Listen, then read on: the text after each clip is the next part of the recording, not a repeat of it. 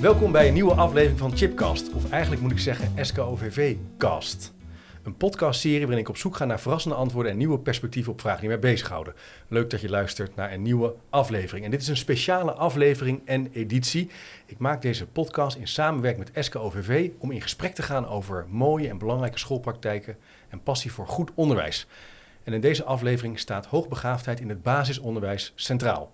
En de vraag die we gaan verkennen in deze podcast is: hoe geef je als basisschool handen en voeten aan onderwijs voor hoogbegaafde kinderen? En dat gesprek ga ik voeren met Mariette Haver, leerkracht groep 6 op de Sint-Alexanderschool in Bennekom. Er staat één dag voor de groep en twee dagen begeleiding voor plusleerlingen en specialist hoogbegaafdheid. Zeg ik dat zo goed? het is hele mond vol. Ja, ja. dat klopt wel. Ja. En ik ben eerder al bij jou een keer op bezoek geweest. Nou ja, nu gaat het over een heel ander onderwerp Ja. hebben, dus leuk dat je er bent. En aan mijn overzijde Linda, Linda Stinnissen. Je bent specialist hoogbegaafdheid bij SKOVV. Ja. En eh, leerkracht bij de bovenschoolse plusgroep, ook van SKOVV. Ja, Dus dat is een, eh, eh, een groep leerlingen die eigenlijk eh, ja, boven de scholen samenkomt. Zeg ik dat zo goed? En Ja. les krijgt. Ja, klopt. Dat zijn de, de kinderen die van de, van de twaalf scholen binnen SKOVV komen. Die worden aangemeld. En, eh, ja, die komen één dag in de week bij mij. Ja. Dus, ja. Dus dan moeten sommigen een stukje reizen, denk ik. Ja. Ja. Ja. we hebben kinderen inderdaad uit Renen, uit Bennekom, uit Barneveld. Ja. Dus eh, ja, het is wel de hele regio eh, waar ze vandaan komen. En, en Ja. ben je nou al lang specialist? Ehm, nou, ik ben in 2012 begonnen met een interne plusgroep op de Antoniusschool, waar Ja. ik toen nog werkte. En eh, vanuit daar ben ik toen de bovenschoolse plusgroep gaan doen. En toen eh, nou ja, ben ik de opleiding gaan doen Ja. tot specialist hoogbegaafdheid. Eh dat was toen een jaaropleiding. En eh, ja, dat, dat heb ik in 2018 gedaan. Ja.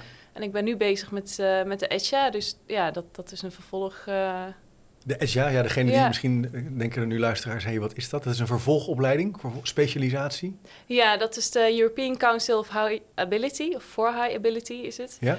Ehm, en dat is, eh, nou ja, is erop gericht zeg maar, om wetenschap en onderwijs, om dat werkveld samen te brengen. Ja. En dan echt gericht op hoogbegaafdheid. Kijk, Ja, oké. dus daar ben ik nu mee bezig. Goh, eh. wauw, je blijft wel leren en professionaliseren. ja, Ja, ja, zeker. interessant. Mariette, hoe ben jij zo in, eh, hiermee hier terechtgekomen in, ja, zeg maar in, in dit vakgebied? Nou, ehm, ik Heeft het ben... jouw interesse? Ja, eigenlijk was het toen ik eh, de Leo-stage ging lopen op de Alexanderschool. Toen lag die vraag daar. Ja. Ehm, de Alexanderschool in Bennekom. Ja, dan, dan praat je toch ook over een gebied waar veel eh hoogopgeleide ouders wonen. De Wageningen Universiteit zit natuurlijk in de buurt. Ja. Dus ehm, dat was ook wel een van de dingen op school. En toen ik eh, de, de PABO aan het afronden was, toen zei ze... Goh, wil je niet eh, een voorzet maken voor een beleidsplan over hoogbegaafdheid? Ja. voor school. Nou ja, dat, eh, dat heb ik toen in de, in de grondverf gezet, zeg maar. Maar nu, Ja. twintig jaar later, merk je pas dat het beleid echt, echt wel handen en voeten heeft gekregen. Daar gaat een hele tijd overheen. Dus, Ja. dus het aandachtsgebied was er. Ook vanuit mijn persoonlijke interesse wel. Maar ehm, ja, dus het, op school eh, altijd een mooie plek en zo viel dat samen. Ja. En zo ben ik erin gerold. En dan heeft het altijd mijn interesse gehouden. En, eh, en zelfs ja, echt mijn passie wel. En waar zit dat dan in? Ehm, ja, het, ehm, echt het kijken. Eigenlijk is het eh, onderwijs op maat maken voor de kinderen. En dat is wat ik het liefste doe. Want ik word, een beetje, ik word wat een beetje ibelig van een hele klas vol kinderen. En ik wil het ze allemaal naar de zin maken. En ik wil ze allemaal zo goed mogelijk onderwijs geven. Dus nou ja, nou heb ik dan ehm, zeg maar bij de meer- en hoogbegaafden... eh, kan, ik dat, eh, kan ik dat nu wat meer geven, zeg maar. Ja. Dus daar heb ik een, een goed gevoel over wat ik de kinderen kan bieden aan onderwijsbehoeften. En dan noem je al eh, meer en hoogbegaafdheid. En misschien toch om in het begin van de podcast te hebben over wat bedoelen we nou precies met hoogbegaafdheid. Want wat mij wel opvalt in de afgelopen jaren krijgt het steeds meer aandacht. Het mag er ook steeds meer zijn als onderwijsconcept, wat ook een plek krijgt binnen, binnen het reguliere onderwijs. Linda, zou jij eens een start kunnen maken? Hoe hoe zouden we het kunnen, kunnen we het definiëren? Dat, dat is al wel een uitdaging, wetenschappelijk gezien, weet ik. Hoe, zou jij daar, hoe zou jij daarmee starten? Ja, er is wetenschappelijk niet een vaststaande definitie Nee. eh, Nee. over hoogbegaafdheid. Als je naar drie ringen model van Renzulli kijkt, dan heb je eh, een bovengemiddelde intelligentie. Dus hij praat niet over een hoge intelligentie, maar bovengemiddeld. Ja, Ehm, creativiteit en motivatie, waarin die twee ringen van motivatie en creativiteit, die kunnen elkaar beïnvloeden. Hm. Eh, die kunnen elkaar voeden. Ehm, en als die drie aanwezig zijn, dan spreekt hij van hoogbegaafd gedrag. Dus dat is ook weer anders van, hè, is een leerling hoogbegaafd of laat hij hoogbegaafd gedrag zien? Hè? Kan die laten zien wat erin zit? Um, dus het kan ook zo zijn dat een leerling misschien uh, wel degelijk hoogbegaafd is, op basis van die drie ringen, maar het niet laat zien in de dagelijkse lessen of in de ontmoetingen ja. die je hebt op school. Ja, zeker. Ja, ja. ja. Maar dat maakt het signaleren natuurlijk ook wel een, uh, complexer. Ja, dat maakt het heel complex. Ja, ja. zeker. Dus nou ja, ik moet zeggen, we hebben binnen, de, binnen SK-OVV ook niet één vaste definitie die we hanteren. Nee. Um, ja, we kijken eigenlijk vooral uh, naar de leerlingen. En nou ja, de rol van de leerkracht staat daarin eigenlijk centraal. Hè, in, het, in, dat stukje signale, in dat stukje signaleren. Ja. Um, ja, de leerkracht is daarin eigenlijk de belangrijkste uh, factor. En dan ondersteund door DHH, Digitaal Handelingsprotocol Hoogbegaafdheid. Waarin dat het signaleren dan weer uh, Oké, okay, dus een, een, een, komt. een ja. protocol. Dat gebruiken jullie ook ja. als, uh, als stichting. Ja. Kan je iets over vertellen? Hoe zit dat ongeveer in elkaar? Ja, je krijgt dan, um, um, het is een, een digitaal handelingsprotocol, dus je, je krijgt, uh, er is een, is een programma. En eigenlijk uh, begint dat al als een kind op school komt. Dus dan heb je de eerste signaleringsfase. Het blijkt dat wanneer kinderen op school komen, dus echt als ze vier jaar zijn, ze komen op school. En ze hebben kenmerken, dan noemen we het nog kenmerken van een ontwikkelingsvoorsprong. Dan wil nog niet zeggen dat het echt meer of hoogbegaafd is. Maar dat een kind dat um, uh, thuis misschien al heeft laten zien, maar op school dat binnen zes weken afleert. Dus uh, dat is heel goed om te kijken. En daarvoor is dus dat instrument ontwikkeld. Dus in groep 1 ga je daar al naar kijken. Standaard is het in groep 3 en ook in groep 5. Dan hm. maken kinderen sprongen, zeg maar, in hun ontwikkeling en dan kun je het zien. Dus dat ligt eigenlijk vast. Dat is een soort protocol. Ja. En daar maken we allemaal gebruik van. En uh, uit die signaleringslijsten komt dan ook van wat, wat moet je nou doen? Is het al iets uh, om in de gaten te houden? ja, hoe ontwikkelt dat zich? En uh, wat, zijn de, ja, wat kun je doen? Dat komt ja. daar eigenlijk ook wel uit. Ja. En daarbij moet je dus gewoon, ja, volg je het kind daarmee. Dus het is eigenlijk een leidraad. Ja. En op een gegeven moment heb je ook al, zeg maar met je team ook zoveel expertise dat je dat er wel uithaalt. Maar het is toch goed om die momenten gewoon even vast te leggen. Dus ja, het geeft een beetje houvast, ja. denk ik. Want het is een, ja. een, thema wat wel wat afbakening nodig heeft. Dus daardoor hebben jullie, dat, hebben jullie voor gekozen om dat ook echt te gebruiken. Ja, ja. Ja. maar goed, dan blijft nog steeds de leerkracht wel leidend. En die heeft wel een hele belangrijke rol in het signaleren ja. Uh, van deze leerlingen, inderdaad. Ja. En, en nou ja, je hebt wat kenmerken van hoogbegaafdheid, uh, die nou ja, wel veel omschreven worden. Zoals perfectionisme, een, een, een groot rechtvaardigheidsgevoel, kritische instelling. Ja. Um, een stukje hooggevoeligheid hoort daar ook bij. Ja. Maar ja, dat wil nog niet zeggen als een kind al die factoren heeft, dat het dus hoogbegaafd is. Dus nee. het is een combinatie van factoren. Um, ja, die die hoogbegaafdheid maakt. Dus daarom is het ja, heel erg belangrijk om als leerkracht gewoon heel goed naar je kind te kijken. En, ja, uh, ja dus dat zijn aspecten. leerling nodig, ja. Ja, waar je naar kijkt. En dat is, dat is denk ik naast de cognitieve elementen die misschien ook hè, bovenmatige intelligentie, wat in, in een van die drie ringen. Ja, kun, ja. kun je iets voorbeeld, zou je er wat voorbeelden kunnen geven waar je, waar, wat je dan zou kunnen zien? En niet dat dat meteen dat het is, hè, maar wat jullie hebben gezien bijvoorbeeld in groep 3, groep 5 en groep 7, toch? Zeiden jullie dat? Nee, te, tot 5 is Oh, tot 5, pardon. Ja. Dus groep 3 en groep 5, wat die zijn dan dingen die je zou kunnen zien of die jullie hebben meegemaakt, eh, wat je heeft doen besluiten van hé, hey, daar moeten we wat, wat meer naar kijken? Ja, bij, bij kleuters dan... Uh, dan merk je natuurlijk wel die, die gevoeligheid al voor letters en cijfers en, uh, en eventueel al uh, vrij snel met woorden aan de slag en, en dat soort dingen. Um, en in groep drie, dan zijn ze vaak al zover dat ze uh, kunnen lezen of dat dat heel snel gaat en ook kunnen, kunnen rekenen. Ja. En dan, um, ja, dan leggen ze ook heel snel verbanden. Dus als ik nu met de groep 3 met rekenen bezig ben, um, dan hebben ze bijvoorbeeld nog niet echt in de klas tot 20 gehad, maar hup, je neemt ze één keer mee en dan springen ze dan overheen. En dat ja, ja. verbanden en meteen op verschillende manieren sommen uit kunnen rekenen bijvoorbeeld. Dat is heel mooi om te zien. Oké, okay, verschillende methodes ook, los van uh, ja, één strategie, ja. Dus ja, dan, één strategie, maar dan kunnen ze er bijvoorbeeld misschien twee of drie. Ja, ja, ja. dat oh, is heel mooi om te zien en hoe snel dat gaat. Um, en uh, nou ja, dat, dat is dan met, met name bij het rekenen.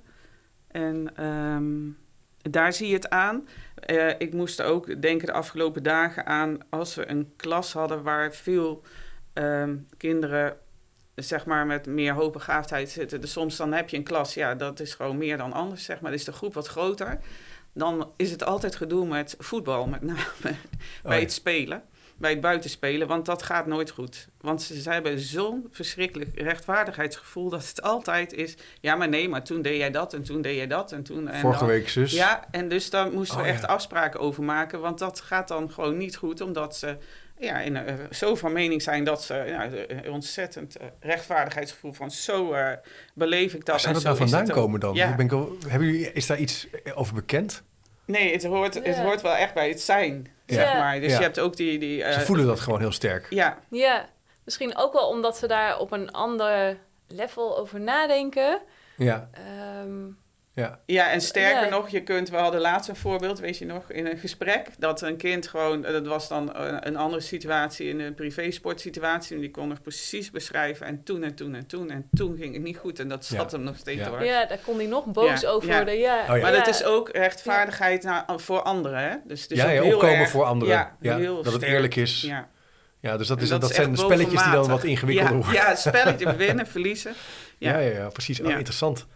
Want dat kan, ik kan me dan ook voorstellen dat er misschien ook wel specifieke uitdagingen zijn voor kinderen die dus hoog of meer begaafd zijn. En misschien moeten we dat hoog en meer begaafd ook nog even uitsplitsen, want daar zit dus ook nog verschil in. Hè? Je, had ook, je hebt ook van alles meegenomen overigens. Als je nu Ja, ze wachten alleen er- luistert moet je, en je moet, moet je even naar YouTube kijken, liggen hier allerlei mooie boeken. Die gaan we ook even opzommen in de speaker notes. Maar misschien kunnen jullie iets zeggen over het verschil tussen hoog en meer begaafdheid voordat we dan gaan naar de uitdagingen. Wat is dat verschil? Ja, nou ja, dan, dan heb je die curve inderdaad. Misschien dat die... eh, Ja, van het SLO, hè? liet hij al even zien in de voorbereiding. Deze wou je, ja. Ja, Ja. eens, zien. Ja. En als we het over hoogbegaafdheid hebben, dan hebben we het echt over de bovenste 2,5% zeg maar, van die Ja. curve. Dus je ziet hier een normaal verdeling. Hè? In het midden Ja. bolt hij omhoog. ja, En daarna zakt hij weer af. En aan de linkse kant en de rechterkant is hij eigenlijk hetzelfde. ja, En dan zit je helemaal rechts, zit je in die 2,5, eh ja. eh, dat, dat hij al bijna helemaal afgevlakt is. Ja, en dit gaat echt specifiek alleen over eh, gemeten intelligentie. Ja, Dus ja, dan ja. heb je die 2,5 Eén van die drie ringen. inderdaad. Ja, Ja. een van die drie ringen inderdaad. Die nou ja, ook wel het meest zichtbaar is eigenlijk in het onderwijs. Ja, Ehm, ja in het curriculum. ja, ja, ja want dat, Oké, maar dat is, dat is echt eh, hoogbegaafd. Maar, en dan zit meer begaafd, zit dan één trapje naar links. ja, Ja, klopt. Dus die ja. zit dan in, daar is hij iets hoger, de bolling. En is het eh, Ja. de- 13,6 Ja. ja. ja. tot 130, ja, Ja, ongeveer. ongeveer. Want ik, Ja. ik, ik wilde nog vragen, om hoeveel kinderen gaat het dan in Nederland? Ja. En toen zeiden jullie, ja, Ja, dat ongeveer... is, ja, dat is een Ja. beetje ingewikkeld. Als je kijkt naar de volwassenen, eh, inderdaad, die curve, dan is het 2,5% Ja. ongeveer Ja, echt hoogbegaafd. ja, maar dan hou je dus eh, aan met name dat IQ van eh, 130 en meer. Maar ja, goed, daar, daar ga je dus al van wat zijn nog meer kenmerken en die, die ook ertoe kunnen Ja. leiden, zeg maar. Dus die 2,5, dan moet je niet, dat kan dus ook, er zijn ook wel aanwijzingen dat het dus, dat het dus anders zit dan die 2,5. Ja, ja, Ja. er zijn zelfs onderzoeken gaande waarin dan blijkt dat het nou, tussen de 2,5 en de 10 procent zou Ja. kunnen zijn. Ja. Ehm, Ja. ja, een beetje afhankelijk van de definitie die je hanteert. Ja, oké. Dus dat is het verschil tussen hoog en meer begaafd. We hebben het meteen al even gehad over omvang, hè, ongeveer, met alle haken en ogen. Maar waar lopen leerlingen nou tegenaan? Wat, wat is nou ingewikkeld als je nou naar school gaat en je, ja, je hebt hoogbegaafdheid, zeg maar, om het even plat te zeggen? Ja, ehm, nou ja, ik, ik denk dat de grootste uitdaging in het onderwijs wel is eh, dat leerlingen onderpresteren. Ehm, nou ja, Ja. dat ze nou ja, is niet kunnen laten zien wat je eigenlijk in huis hebt. Nou is de discussie ook een beetje, moet je altijd hè, op de top van je kunnen presteren of mag je soms ook eh, Ja. onderpresteren, zeg maar. Maar ik denk dat dat wel een van de grootste eh, uitdagingen is, ook voor leerkrachten, om, nou ja, om dan dus te zien of een leerling hoogbegaafd is of niet. Want Ja. de hoogbegaafde leerlingen zijn bij uitstek niet altijd de leerlingen die de hoge CITO-scores halen. Ehm, dus dat maakt het soms wel lastig. Mhm. En wat hebben die leerlingen dan nodig om, eh, nou ja, om dat ontwikkelingspotentieel wel te kunnen gebruiken? Ja. Is het dan ook zo dat omdat ze onderpresteren, ze niet gemotiveerd zijn om bijvoorbeeld naar school te gaan? Dat zou ik, of, of speelt dat, kan dat dan ook meespelen als uitdaging? Dat ze school niet Ehm. leuk vinden of niet de moeite waard vinden? Ja, nee, ik denk eerder dat die andersom is inderdaad. Omdat ze dat niet de moeite waard vinden of niet interessant genoeg... dat ze daardoor juist gaan onderpresteren. Ja, precies. Als je dat jaren na elkaar inderdaad zo hebt, dan ja... Denk ze nou, ja, Ja, het zal wel. dus Laat dat is wel... Ja, en tegelijkertijd is die groep onderpresteerders is ook geen... eh, dat is een hele... Ja, een, een niet hele... iedereen. Nee. Nee, en er, er, zit heel veel variatie in. En je hebt heel veel factoren waarom een leerling kan gaan onderpresteren. Mm ja, waardoor je ook hele verschillende manieren hebt om daarmee om te gaan. Ja. Ja. Dus onderpresteren is, is echt een, een, een punt waar die leerling uh, mee te maken kan krijgen. Ik spreek zelf ook wel ouders die, uh, uh, die zeggen: Ja, ik, vind, ik heb heel veel moeite om ja, het, in het reguliere onderwijsritme te komen. Het is, het is gewoon veel, het is een struggle ook. Hè? Ze vinden het niet leuk, ze, ze, ze, ze willen niet. Kan dat ook gebeuren? Klopt dat, dat soort dingen? Of, of ga ik dan te kort door de bocht? Ja, het kan. Het kan. Ik denk dat inderdaad, ehm, als je het echt specifiek over hoogbegaafdheid hebt, dat het dan op een gegeven moment uh, lastig kan worden. Maar goed, dus wij hebben op onze school dan bijvoorbeeld, uh, dus ik geef pluswerk rekenen aan groepen. er is een collega die doet dan de interne plusgroep. En dan hebben we nog de mogelijkheid tot een bovenschoolse plusgroep. Dus binnen onze stichting en binnen onze school zijn er veel mogelijkheden. Uh, waardoor uh, hoogbegaafde kinderen zeg maar, tot hun recht kunnen komen en zich ook kunnen ontwikkelen. Ja. En met name het, uh, ja, wat mijn drive altijd is, is het leren leren. Dus wanneer leren kinderen nou? Dus eigenlijk, we hebben het altijd over RT, remedial teaching, aan, aan de onderkant, zeg maar, oneerbiedig gezegd. Maar elk kind heeft wat nodig. Een kind dat hoogbegaafd is, heeft andere dingen nodig. En wanneer leert dat kind dan? Dus om het daarin te krijgen, ja. dat is belangrijk. Maar soms, ja, dat, dat is uh, ook um, wat we ook moeten zeggen. Soms lukt het niet. Uh, en dan, dan gaat het gewoon niet. Of een kind moet alsnog, heeft dan toch meer, uh, is meer gebaat bij fulltime HB-onderwijs bijvoorbeeld. Ja. En wij doen het dan zo uh, van, nou ja, hoe we het dan op onze school doen, zeg maar, en met de stichting samen. En dan heb je ook nog bij ons een heleboel gelijkgestemden, zeg maar, ontwikkelingsgelijken. Dus ze voelen zich heel erg thuis op school over het algemeen. En de, uh, ontwikkelingsgelijken bedoel je leerlingen die uh, ja. met wie in de klas zitten of ja, die ze tegenkomen? Ja. In welke, of, welke vorm dan ook? Of bij de, ik hoorde ook wel eens bij de sport, ja, ook kinderen van de, van de sport, van het team zaten ook allemaal bij, bij andere scholen, ook op een interne plusgroep, weet je. Dus die uh, dat, dat zoekt elkaar wel op en dat is heel belangrijk. Ze kunnen ook ervaringen uitwisselen. Ja, ik had laatst een gesprek met een, uh, met een leerkracht van een andere school. En ja, daar is misschien één kind uh, hoogbegaafd binnen een klas die dat totaal niet is. Ja, en dan heel belangrijk is gewoon die gelijkgestemde, die ontwikkelingsgelijke. Dat is heel belangrijk. Dan, dan haal je al een heleboel weg, zeg maar. Ja. Je merkt ook dat sommige kinderen op de basisschool, vroeger had je dat dan ook wel, of vroeger, dat klinkt ook, maar had je dan dat ze um, na de basisschool bijvoorbeeld op tweetalig uh, VWO kwamen. En dan zoiets hadden we. Oh ja, maar nu wordt het interessant. Weet je, dan kom je met die ontwikkelingsgelijke en dan kom je in een wereld wat bij je past. Ja. Maar dan moet je eerst die basisschool door. En, en daar kijken we nu heel sterk naar om, om een stuk gewoon die basisschool al voor te bereiden. Ja. Zodat ze verder komen op de middelbare school of op voortgezet onderwijs. Wat mij opvalt aan wat jullie vertellen is dat jullie dus echt wel een soort infrastructuur hebben als stichting ook. Hè? Dus een soort, ja. hoe, ja. Dat lijkt me nog best wel wat, wat, wat energie en tijd kost om dat goed neer te zetten. Hoe hebben jullie dat aangepakt? Ja. Nou ja, je, je, begint in de groep met um, de leerlingen te signaleren. En uh, ja. Nou ja, de, de basis te compacte, verrijkend aanbod uh, te bieden. En als dat niet genoeg is, sommige scholen hebben een interne plusgroep waar de kinderen dan nog naartoe gaan. Mhm. En daarna hebben we dan de bovenschoolse plusgroep, waar de ontwikkelingsgelijken ook wel uh, bij elkaar komen. Ja. Nou ja, soms is het ook zo dat dat gewoon niet genoeg is, niet voldoende is voor zo'n leerling. En dan gaan we kijken met het samenwerkingsverband van ja, zou voltijd HB-onderwijs niet passender zijn?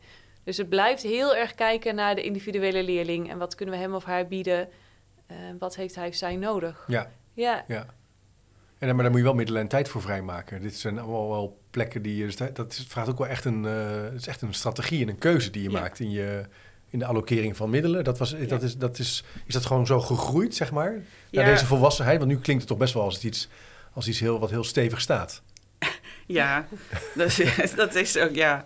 Ja, zo zeg je het heel mooi. dat is Hoe zou je het zeggen dan? Ja, nee, nee dat, is ook, dat is ook zo. Maar dan, uh, um, maar we, doen, we hebben natuurlijk niet alleen gedaan. Wat ik zei, we, dat, het onderwerp heeft natuurlijk al uh, jarenlang nu uh, interesse en ja. aandacht. En ja. je ziet daar parallel aan, en dat is ook het mooie, um, dat bijvoorbeeld in de neurowetenschappen er heel veel bekend wordt over de werking van het, van het brein en de hersenen. En ik bedoel, Erik Scherder doet daar natuurlijk ook alles aan uh, om dat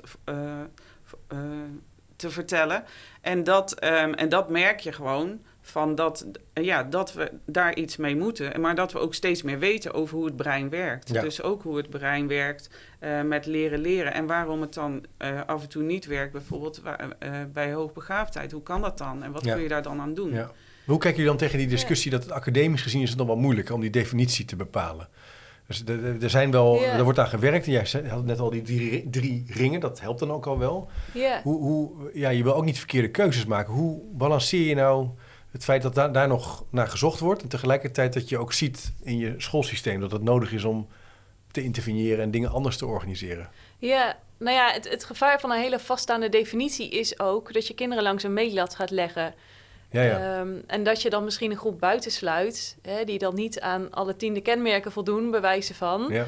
Um, dus wij kijken ook niet zozeer naar, hè, is een kind hoogbegaafd of niet, maar wat zijn de onderwijsbehoeften van een kind? Ja. Ik denk dat dat het belangrijkste is. En is een kind niet hoogbegaafd, maar heeft het wel andere onderwijsbehoeften als dat je nu aanbiedt? Um, ja, ga je dan niks doen omdat een kind niet hoogbegaafd is?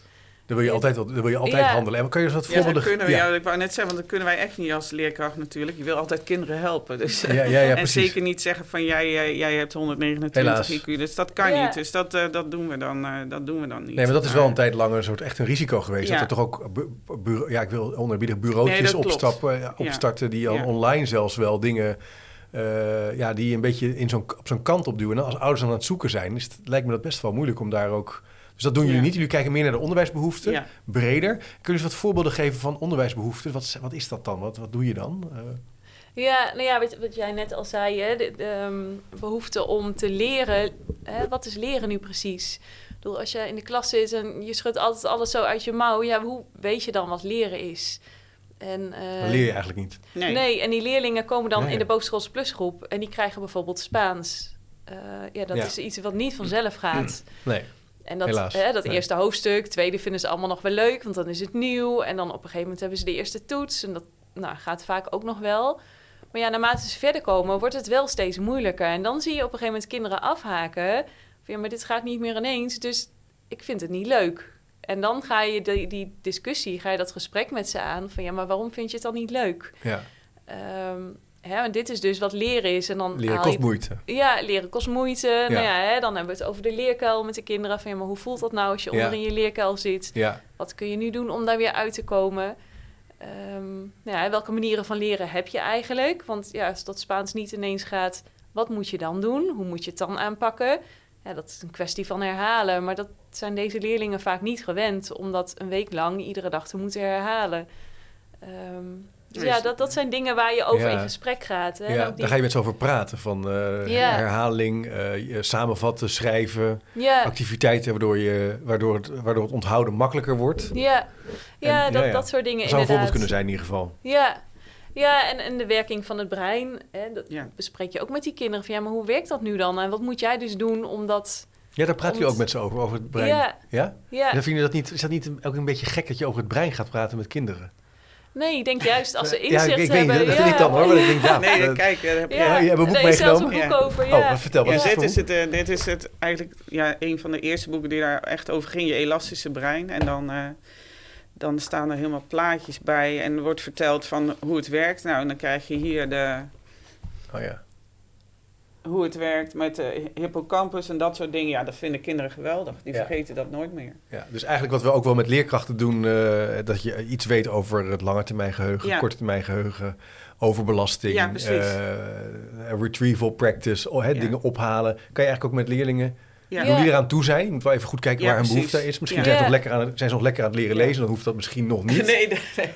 maar nee. naarmate ze het makkelijker ze vergaat, kan je dat dus eigenlijk complexiteit vergroten. Ja. Ja. Aan de hand van moeilijkere opdrachten. Ook Spaans, Ja. Duits, wiskunde. Nou ja, en juist als ze dan dat inzicht hebben, weten ze ook... eh, Nou ja, dat ze er dus zelf moeite voor moeten doen. Ja, dus Leuk. ja, dat, dat helpt gewoon. dat helpt. Ja. Dat, dat- en dat doen jullie dus. En daar maken jullie ook met elkaar eh, binnen de stichting afspraken over. Van, nou, we doen het allemaal een beetje op dezelfde manier.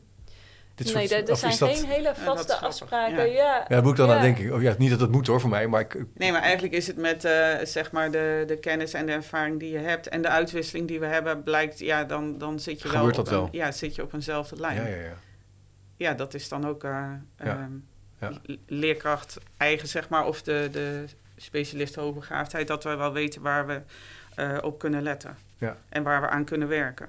En, en, en dus dit is ook misschien al een beetje een voorbeeld van differentiëren, of in ieder geval complexiteit toevoegen. Hoe, hoe, hoe, kijk je, hoe kijken jullie naar differentiëren en jullie richten je dus op de onderwijs, onderwijsbehoeften. Ja. En hoe kom je daar nou achter als leerkracht?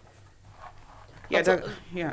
ja. komt erachter door, um, ja, door heel veel naar kinderen te kijken en vooral ook met de collega's in gesprek te gaan. Um, van hoe het, hoe het gaat met kinderen. En dan vanaf dag één, zeg maar. Ja, en waar kijk je dan naar? Bijvoorbeeld bij, bij uh, ze kunnen al makkelijk lezen. Kijk je dan naar waar hun interesse naar uitgaat? Hoe ze hoe ze bepaalde activiteiten oppakken. Ja, dus wat, wat opvallend is. En daar ga je dan. Uh, en daar uh, probeer je ze al uh, zeg maar in de, in de onderbouw op in te spelen. Ja. Maar kinderen moeten natuurlijk ook, moeten ook gewoon, gewoon leren, leren om samen te werken. En, en dat soort dingen. Al, al die vaardigheden die we leren op school, dat geldt voor, geldt voor alle kinderen. Ja, dat hoeven ze niet over te slaan. Nee, dat moet ook niet. Want met name ook bijvoorbeeld samenwerken vinden ze ook ontzettend lastig.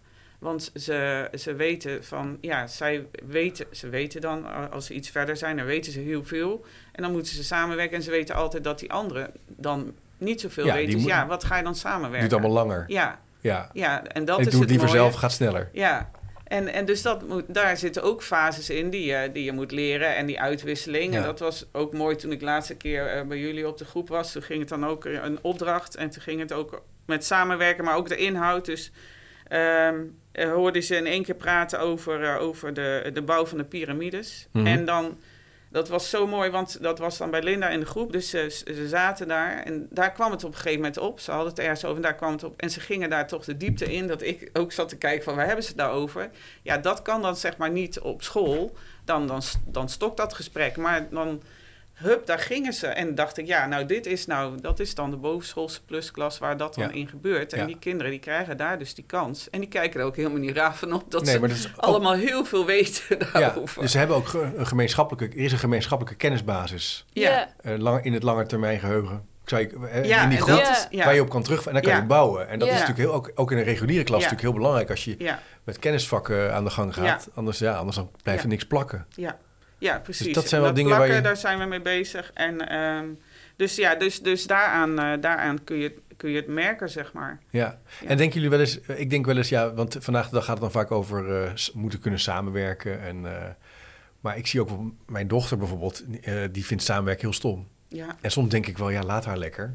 Weet je, we moeten, hoe kijken jullie nou naar specifiek naar HB-kinderen? Je zou kunnen zeggen, nou, die zijn gewoon heel erg goed in Spaans, in Duits. Fantastisch, laat ze lekker. Moeten we ze dan ook lastigvallen met samenwerken? Hoe kijken jullie ernaar? Ehm, nou ja, als je een samenwerkingsopdracht aanbiedt, ehm, dan moet die samenwerkingsopdracht ook wel nut hebben.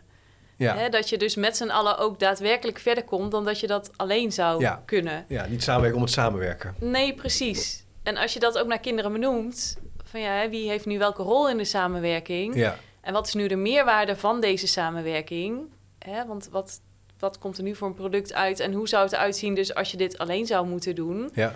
Ja, dan heeft het nut. En dan leren ze ook samenwerken. En dan zie je ook wel even, dan zie je dat inzicht ook wel ontstaan ja, bij leerlingen die, in zo'n HB-klas. ja, Ja, ja, ja, zeker. ja, oké, ja. oké. Ja, het Dus is ook een ook, beetje ja. van ho- hoe je toch een beetje jong geleerd, oud gedaan. Want ja, we, we leven natuurlijk met elkaar in de maatschappij. Die noemen we ook samenleving. Dus ik denk, ja, we moeten toch eh, handvatten geven aan het... Je, je moet het toch leren. Nee, dat is wel waar. Ja. Maar ik, ik, ik trigger er ook een beetje op. Misschien is het een andere podcast hoor. Maar Ja. het gaat over introvert en extrovert, extravert nee, zijn. ja. Dat je soms, de- soms Ja. denk ik wel, ja, je, het hoeft natuurlijk niet. Soms, sommige kinderen Nee. vinden het heel fijn om gewoon lekker zelf te nee, maar zeker. Maar dat, dus het is niet... Maar, het, maar ja, dus daar, daarin kijk, daar kijk je ook naar. Ja. Van, Het hoeft natuurlijk niet altijd. Ja. Ja. Maar dat is, ja, dat is natuurlijk het mooie van ons vak. Je bent natuurlijk eh, van het vak van leerkracht Ja. in het algemeen. Je bent voortdurend aan het kijken naar kinderen en wat hebben kinderen nodig. Ja. En ze Ja. hoeven natuurlijk niet altijd samen te werken, maar wel wetend wat het inhoudt. En dat geldt voor alle kinderen Ja, en ja, eh, op ja. alle niveaus. Eh, Zijn, zijn er ook nog bepaalde, eh letten jullie ook nog op een bepaalde manier op de sociaal-emotionele ontwikkeling van, van HB-kinderen? En, en hoe doen jullie dat dan? Ja, ja, zeker. Nou ja, het, het is, je, hè, je hoort heel veel van, oh, die is hoogbegaafd. Dus die zal wel minder sociaal zijn. Dat is wel een vooroordeel die, die Ja. nog steeds wel heel Leeft. erg veel leeft, inderdaad.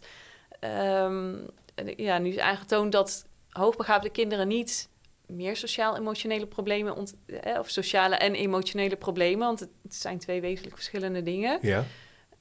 Um, Maar wel op een ander gebied. Dus dat is wel iets om rekening mee te houden. En vaak in een klas waar je dan als leerkracht sociale of emotionele problemen ziet ontstaan, komt dat door een mismatch, een cognitieve mismatch eigenlijk, met de leeftijdsgenootjes. Zat ik in mijn, uh, mijn stage voor, voor mijn vorige opleiding tot specialist hoogbegaafdheid. Um, moest ik voor een stage naar een kleutergroep. En daar mhm. was een jongetje, die was vier, vier en een half. Die was nog niet zo heel erg lang op school. En die was buiten aan het spelen met een, een groepje jongens. En die gingen dinootje spelen. Tenminste, dat hadden ze zo genoemd, hè? het spel dinootje.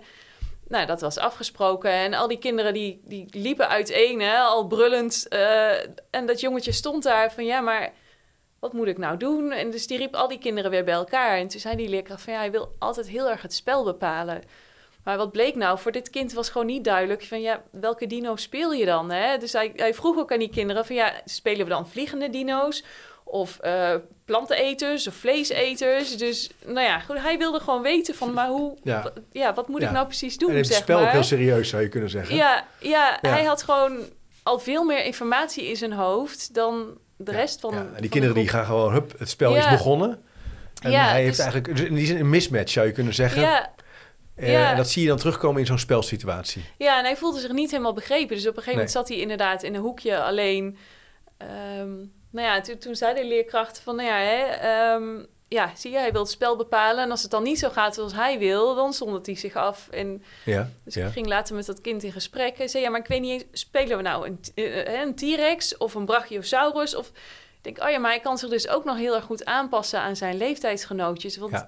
Ja. Naar mij noemt hij alle ingewikkelde namen en naar zijn klasgenootjes past hij zijn taalgebruik aan. Oh ja. Dus, dus je ziet dan eigenlijk veel meer al dan die. Ja, maar, en hoe weet je nou, want kinderen kunnen soms een interesse hebben in iets en dan al die termen kennen, maar verder ja, regulier zeg ik maar even. Je moet, het is ook een delicaat zoekproces, denk ik, voor jou dan. Ja. Wanneer je op een gegeven moment, dat weet je natuurlijk ook helemaal zeker, wanneer je kan zeggen, hé, hey, het lijkt er wel op dat er, dat er wel sprake is van een mismatch. Ja, ja. ja zeker. Dus je moet denk ik uh... kijken naar meerdere, je moet meerdere vormen van bewijs tussen aanhalingstekens verzamelen. Ja, ja. ja, en dat is gewoon heel ingewikkeld inderdaad. Maar in één zo'n spel zie je al zoveel van, oh ja, het, cognitief loopt hij voor. Ja.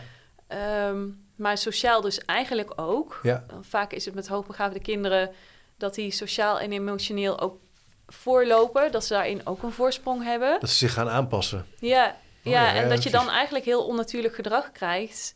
Wat er uh, nou ja, jonger uit kan zien dan dat ze eigenlijk zijn. Ja. Als je nu luistert en je bent nog niet zo ver op je school met, uh, met HB-visie, HB-beleid, hoe zou je hier nou mee kunnen starten? Wat zijn dan dingen waar jullie van zeggen, nou begin daar eens mee? Je hebt allerlei boeken op tafel gelegd. Ja, je kan natuurlijk hierover gaan lezen. Prachtige lijst hier op de speaker notes, de lessen van Bloom. Ik zie hier ook, dat is natuurlijk een manier, hè, de herziene taxonomie van Bloom in de klas. Ja, nou ja, ik denk dat het belangrijkste is als leerkracht dat je uh, hiervoor open staat. En dat je ziet dat deze kinderen er niet vanzelf komen. Dat het geen luxe probleem is. Uh, maar dat deze kinderen dus echt iets van jou vragen. Ja. En dat dat nog niet in één keer helemaal perfect hoeft, maar dat je wel als leerkracht bereid moet zijn om dat proces met deze leerling aan te gaan. Ja. Um, dus toch erkennen en in gaan zien dat er, uh, dat er iets nodig is. Daar start het eigenlijk wel mee. Als je dat dus eigenlijk niet hebt, dan moet je denk ik nog even bezinnen. Ja. Dus het is, ja, het is, uh, het is natuurlijk fijn als je al wat, uh, um, zeg maar, de, dat je daar al wat in verdiept hebt. Of dat er iemand op school is die dat, die dat weet. Of, ja. um, weet je, um, soms zijn er ook collega's die ervaring hebben met, uh, met hun eigen kinderen. Of in je omgeving iemand. Ja. Zodat je weet waar je tegenaan loopt, zeg maar, ja. uh, als ouder en als kind met name. en zo, en zo, ja, net zoals dat ik ermee begonnen ben... Uh, omdat die vraag er was op school, ja, dan, dan kom je verder. En er zijn specialisten, ook wat jij zegt, bij het samenwerkingsverband. Dus als je vragen hebt, gewoon daar naartoe gaan. Dus ga, uh, nodig jezelf uit bij zo'n specialist. Ga erover lezen, ga in gesprek erover. Zoek, me, zoek, mensen op die dit eerder hebben meegemaakt. In overleg zijn... met je... Ja. ja, nou ja, ik denk inderdaad een, een open blik en... Ja. Uh, ja, het kennis daarover op willen doen, dat dat gewoon de belangrijkste dingen zijn. Ja. Ik nog een paar vragen eh, even hierop voor, voorbordurend. Hè? Want we hebben het ook over handen en voeten geven aan hoogbegaafdheid in het, in het onderwijs. We hebben wel iets gezegd over die, die, die taxonomie die jullie gebruiken, hè, in de, om ook in, in, kaart te brengen. Hè, je kijkt naar de onderwijsbehoeften. Ehm, kun je nog iets praktischer zeggen van hoe ziet dan die ondersteuning binnen SKOVV dan uit? Begint dat dan al in groep 3? Begint het in groep 4? Even een paar domme vragen, die uh, mag ik allemaal stellen. Dus, hebben, jullie hebben dus in de, in de school, hebben jullie... En bij uh, ons is het in de school dat we inderdaad uh, ja. dus een, een plusgroep hebben voor groep 3 en 4. Ja. En 5 en 6. En 7 en 8. Helder, ja. Dus die, die collega die, die, die doet dat op dat niveau, zeg maar. Oké. Okay. Dus... Um, en, en die know-how, die, die is er dus dan bij ons en die heeft zij ook. Dus dat is, dat is super fijn. Ja. Um, en daarmee geeft ze ook opdrachten. Uh, en dat geldt ook voor wat ik dan doe. Kom mee in de klas, kom bijvoorbeeld op de weektaak. Zodat je, je gaat op een gegeven moment die, die basisstof, die is voor die kinderen natuurlijk. Dit, want dan is dit een mooie. Die basisstof die wordt op de uh, kinderen ja. van hoogbegaafd, die hebben natuurlijk heel weinig basisstof nodig. En dan wordt de verdieping en de verrijking wordt steeds groter. Ja, ja. Dus, um, dus daar moet je zorgen. Ja, dat moet je ook allemaal opbouwen aan opdrachten. Maar er zijn inmiddels al heel veel ook. Um, uh, ja, het is bijna geen lesmethode, maar er zijn een heleboel dingen die je kunt vinden. Um, denk, ja, ik, ik, kan er een heleboel noemen, maar dan sla ik ja, het vast wel, Het is wel de vraag altijd, van, ja. uh, hoe weet je of iets goed is? Hè? Je wil ook, dus zoek, ja. zoek die specialisten bij, zoek die expert erbij. Ja. Uh, maar je zegt al, hè, in, de or, in de school te organiseren, het moet de weektaak zijn, het moet onderdeel zijn van je Precies. onderwijsproces. En dan kan je nog boven je school natuurlijk ook wat jij doet, eigenlijk samenkomen en onderwijs organiseren. Dat doen jullie ook. Ja. Ja. Ja. Nou, ik denk dat het als leerkracht heel belangrijk is dat je de, de kerndoelen van jouw leerjaar kent. Zodat je weet van oké, okay, hier moet een leerling dus aan voldoen. Ja. Uh, dat kan zijn dat een kind daar een, een schooljaar voor nodig uh, een, een, schooljaar voor nodig heeft. Maar het kan ook zijn dat een kind binnen 2,5 maand al die doelen behaald heeft.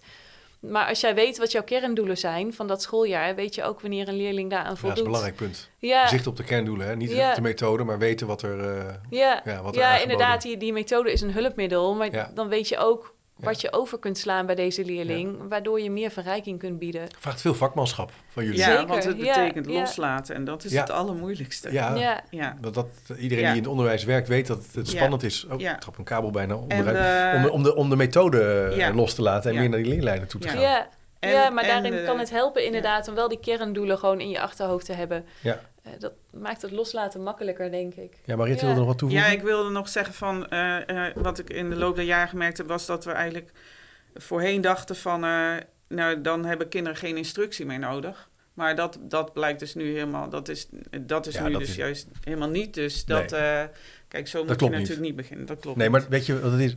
Volwassenen hebben ook instructie nodig. Ja, precies. Professoren ook. Ja, Eh, Ja. ja, iedereen die Ja. wil uitleg hebben. De ene kan het misschien eh, makkelijker zelf ontdekken Precies, als hij meer voorkennis heeft, bepaalde strategieën toepast. Maar ja, instructie blijft. eh.